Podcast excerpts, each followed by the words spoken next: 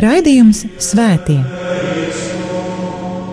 Katrā laikmetā ir dzīvojuši daudz svētie, un katrai paudzei tie ir un paliek kā dzīvās ticības liecinieki. Mocekļi, apliecinātāji, vīri un sievas, jaunieši un bērni. Svētie ir tik dažādi, gluži kā mēs, bet ir kāda īpašība, kura visus svētos vieno. Viņi mīlēja, mīlēja Dievu un cilvēkus. Raidījums par svētījumiem ir stāstījums par Dieva mīlestības reālo klātbūtni mūsu dzīvē. Santa Trinitas unos Deus, miserere Patris, Santa Marija. Lai ir slavēts Jēzus Kristus! Darbie brāļi un māsas Kristū! Šajā ceturtdienā, turpinot mūsu kopīgās satikšanās ar svētajiem, stāstīšu par svētajiem, kurus ne tikai var uzskatīt par misiju aizbildniem, bet kuri paši bija misionāri, respektīvi gāja uz visas pasaules malām un sludināja Kristus evaņģēliju. Sludināja ne tikai sprediķojot, bet vispirms dzīvojot saskaņā ar to, ko sludināja, saskaņā ar Kristus evaņģēliju. Šoreiz izvēlējos pastāstīt par svētajiem, kurus relatīvi nesen iecēla svēto vai svētīgo kārtā, par svēto Džozefu Freinadamecu, kuru kanonizēja 2003. gadā, un svētīgajiem brāļiem Franciskāņiem Mikeļi un Zbigņevu un tēvu Aleksandru, misionāriem, kuri darbojas Peru kur arī pagājušajā gadsimta 90. gados viņi sniedza liecību par Kristu kā mocekli. Bet turpinot mūsu satikšanos ar svētajiem jauniešu aizbildniem, šoreiz piedāvāšu satikties ar Svēto Zitu, 13. gadsimta svēto.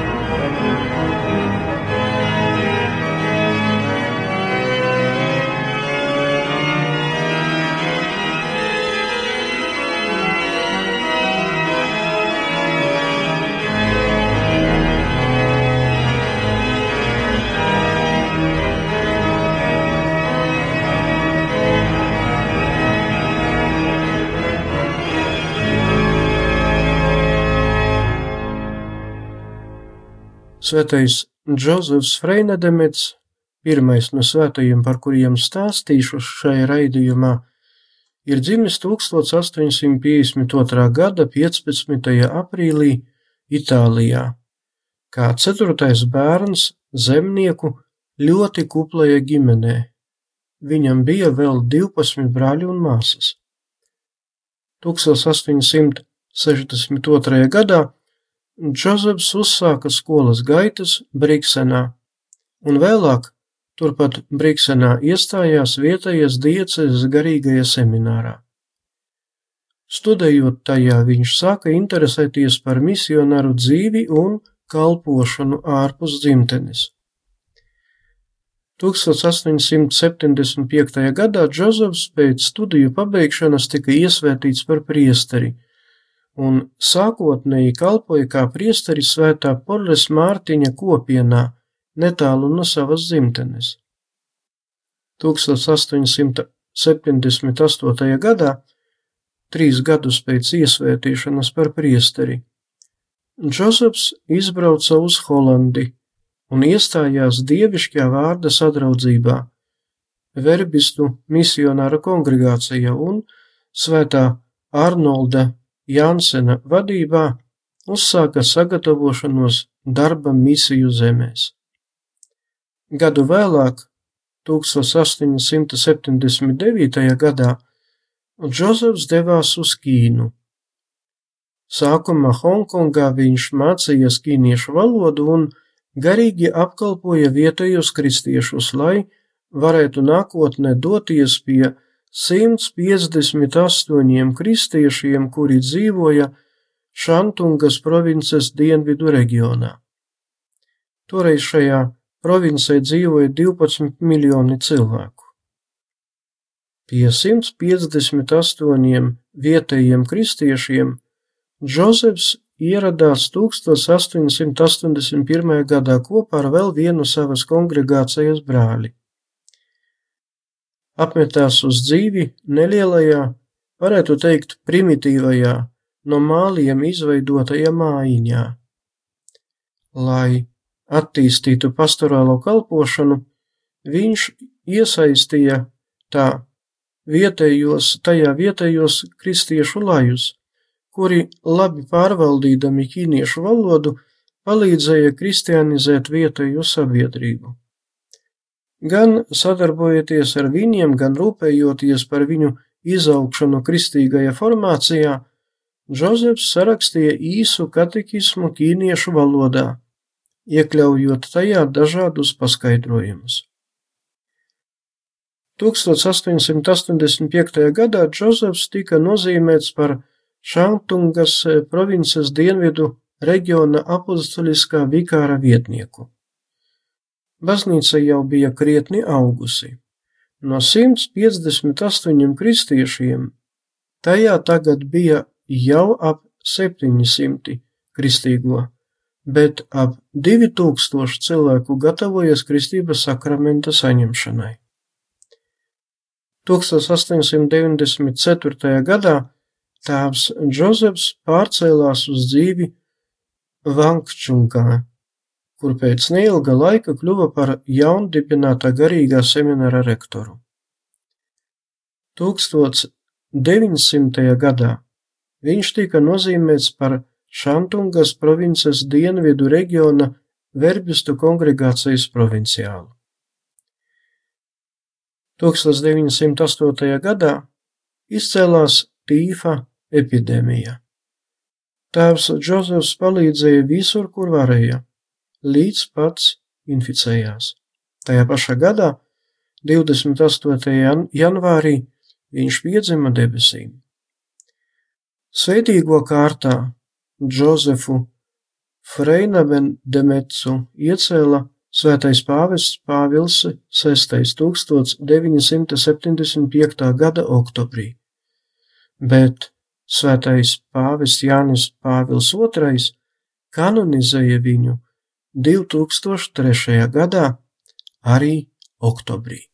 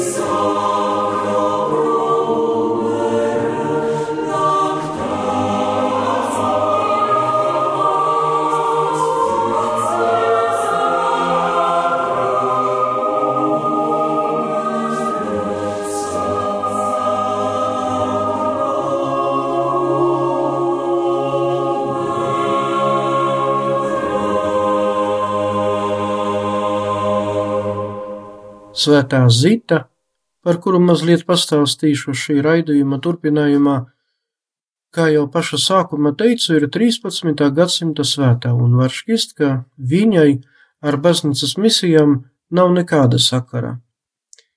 Viņa vairāk ir nabadzīgu jauniešu aizstāve. Tomēr jebkurš svētais ir misionārs, jo ejot savu dzīves taciņu, jebkurš kristietis un jo vairāk svētais vai svētā sludina Kristu. Arī svētā Zita, tāpat kā Iepriekšējais svētais, par kuru stāstīju, ir dzimusi Itālijā, netālu no pilsētas Luka, Toskānas reģionā, ap 1218. gadu vienkāršo laucenieku ģimenē. Vecāki nespēja nodrošināt saviem bērniem lielu mantību, toties spēja izaudzināt savus bērnus dievbijīgus un godprātīgus. Tā kā ģimene dzīvoja ļoti trūcīgi, Zita jau 12 gadu vecumā devās kalpones gaitās pie kādas pārtikušas Fatineļu ģimenes. Ģimenes galva bija nervus un nejauks, viņa sieva mūžīgi ar visu neapmierināta un pārāk prasīga. Pārsteidzoša bija Zitas attieksme pret šo ģimeni. Ģimenes galvā viņa centās ieraudzīt svēto Jāzepu, ģimenes mātē pašu jaunavu Mariju, bet viņu bērnos mazu Jēzu. Itin visu savus darbus, savu kalpošanu Zita veltīja un darīja Jēzum, Marijai un Jāzepam. Klusa, strādīga, godīga, apzinīga, laipna, kalpone Zita dzīvoja ļoti pieticīgi un dievbijīgi. Agri no rīta, kamēr vēl bija tumšs, viņa klusiņām, lai nevienu ne, nepamodinātu, devās uz vietējo baznīcu, lai piedalītos svētajā misē un pieņemtu svēto komuniju. Ar savu kluso dzīvi Zita iemantoja visas mūžas iemītnieku sirdis. Pils īpašnieki uzticēja Zitai mājas saimniecības vadīšanu, un, protams, atradās arī skaugi tika mēģināts vērpt intrigas un celt nesaskaņas, tomēr svētā ar savu labestību, sirds siltumu un uzmanību un arī laipnību spēja saglabāt visā mājā kārtību un draudzīgu atmosfēru. Zita turpat kā visa gada garumā ievēroja stingru gavēni, ēda tikai maizi un dzēra tikai ūdeni. Sava istabiņā viņa gulēja uz grīdas. Nec vasarā, nec arī ziemā nevelkāja apavus. Pēc nāves tika atrast viņas ķermenis, apjosts ar rupju auklu, kas bija ieaugusi viņas miesā. Zita bija ļoti glīta, un tas nereti izsauca gan uzbāzību, gan nepiedienību no vīriešu puses. Svētā Zita prata ar to drosmīgi, drosmīgi tikt galā. Kādu reizi viņai pat vajadzēja aizstāvēties no plaši pazīstamā vietējā dzērāja un netikļa uzbrukuma. Uz vīriešu sejas un rokām toreiz palika ilgi nedziestošās rētas. Zita bija ļoti līdzjūtīga, redzot citu postu un trūcību. Nereti visu, ko viņa bija nopelnījusi, vai kas viņai pašai piederēja, viņa atdeva nabagiem. Neviens no Zitas pārvaldītās mājas neaizgāja nēdis. Viņas dzīves apraksti atklāja, ka Dievs darīja lielus brīnumus un zīmes caur šīs savas kalpones rokām. Tos pat pierakstīja kā notariālās piezīmes un ziņas grāmatās. Zita bija apdāvināta arī ar kontemplācijas un ekstāžu dāvanām. Svētā piedzima debesīm pēc īsas slimošanas 1272. gada 27. aprīlī. Savu mužnieku saimniecībā viņa nokalpoja 42 gadus. Zitu jau šī zemes dzīves laika daudzi uzskatīja par svēto, un tāpēc viņu apbedīja nevis kapos, bet baznīcā, uz kura zita bija gājusi katru dienu. Slavenais Dante Alighieri savā dieviškajā komēdijā piemin svēto kalponi Zitu. 1652. gadā tika atvērts zārks, kurā atrada Zitas nesatrudēto miesu. 1696. gadā pāvests Inocens 12. iecēla oficiāli Zitu svēto kārtā. Svētā Zita tiek godināta kā kalpu un kalpoņu aizbildne. Viņa ir arī nabadzīgu meiteņu, mā, mājasaimnieču un vientuļo sieviešu aizbildne.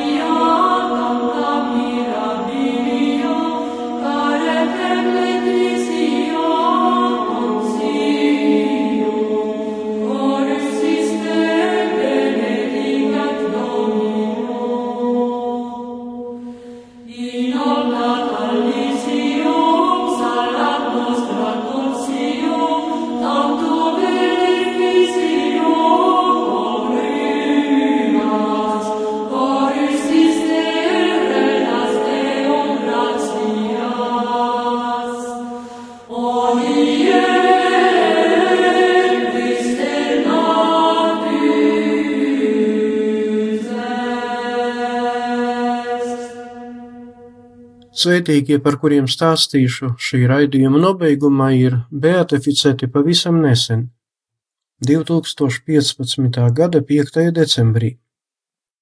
Svētīgais moceklis, priesteris Aleksandrs Dordi un divi svētīgie franciskaņu mūki, priesteri, mocekļi Zbigņevs Šalkovskis un Mikelis jeb Mihals Tomašeks. Svētīgais Aleksandrs jeb Sandro piedzima 1931. gada 22. janvārī Itālijā, Bergamo provincē, dziļi reliģiskajā ģimenē. Ļoti agri sajūstam sevi aicinājumu būt par priesteri, Sandro iestājās Bergamo garīgajā seminārā un tad kļuva par paradīzes misiju kopienas locekli. Šī kopiena atbalsta diecezes, kurās darbojas un kalpo neliels priesteru skaits. Par priesteri Sandro tika iesvētīts 1954. gada 12. jūnijā. Uzreiz viņu kopā ar vēl vienu kopienas priesteri nozīmēja kalpošanai Itālijas austrumos, Poļesinas reģionā, kuru toreiz izpostīja lieli ūdensplūdi. Tur Sandru nokalpoja līdz pat 1965. gadam. Bet kopš 1980. gada priesteris Sandru kalpoja Latviņamerikā, Peru, Ankašas reģionā, krustā sistā Jēzus draudzē Santas pilsētā. Īpašas rūpes viņš veltīja vietējiem zemniekiem un laukstrādniekiem. Sākotnēji tā bija mierīga un klusa kalpošana, tomēr, kad eh, pagājušā gadsimta 80. gados reģionā izvērsa savu ļaunumu kreiso teroristu grupējumi, sākas nelaimes. 1991. gada 25. augusta vakarā Tēvs Sandru kopā ar vēl diviem katehētiem brauca automašīna uz mājām no netālu esošā Vincus ciematiņa, kur bija svētā mīse un kristības.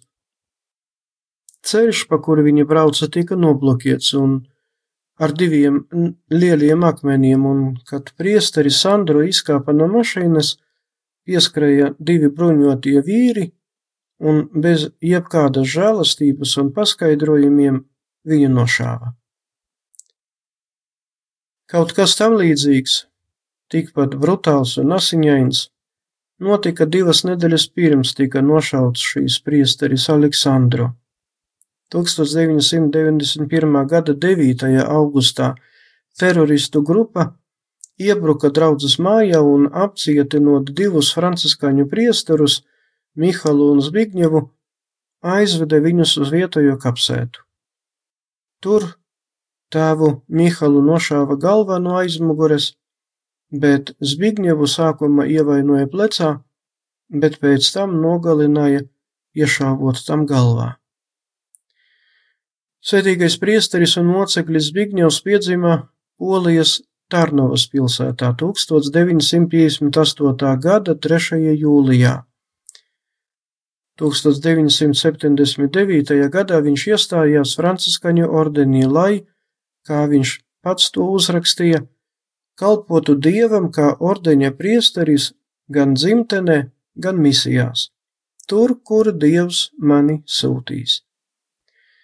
1986. gadā viņš tika iesvētīts par priesteri Vroclavā.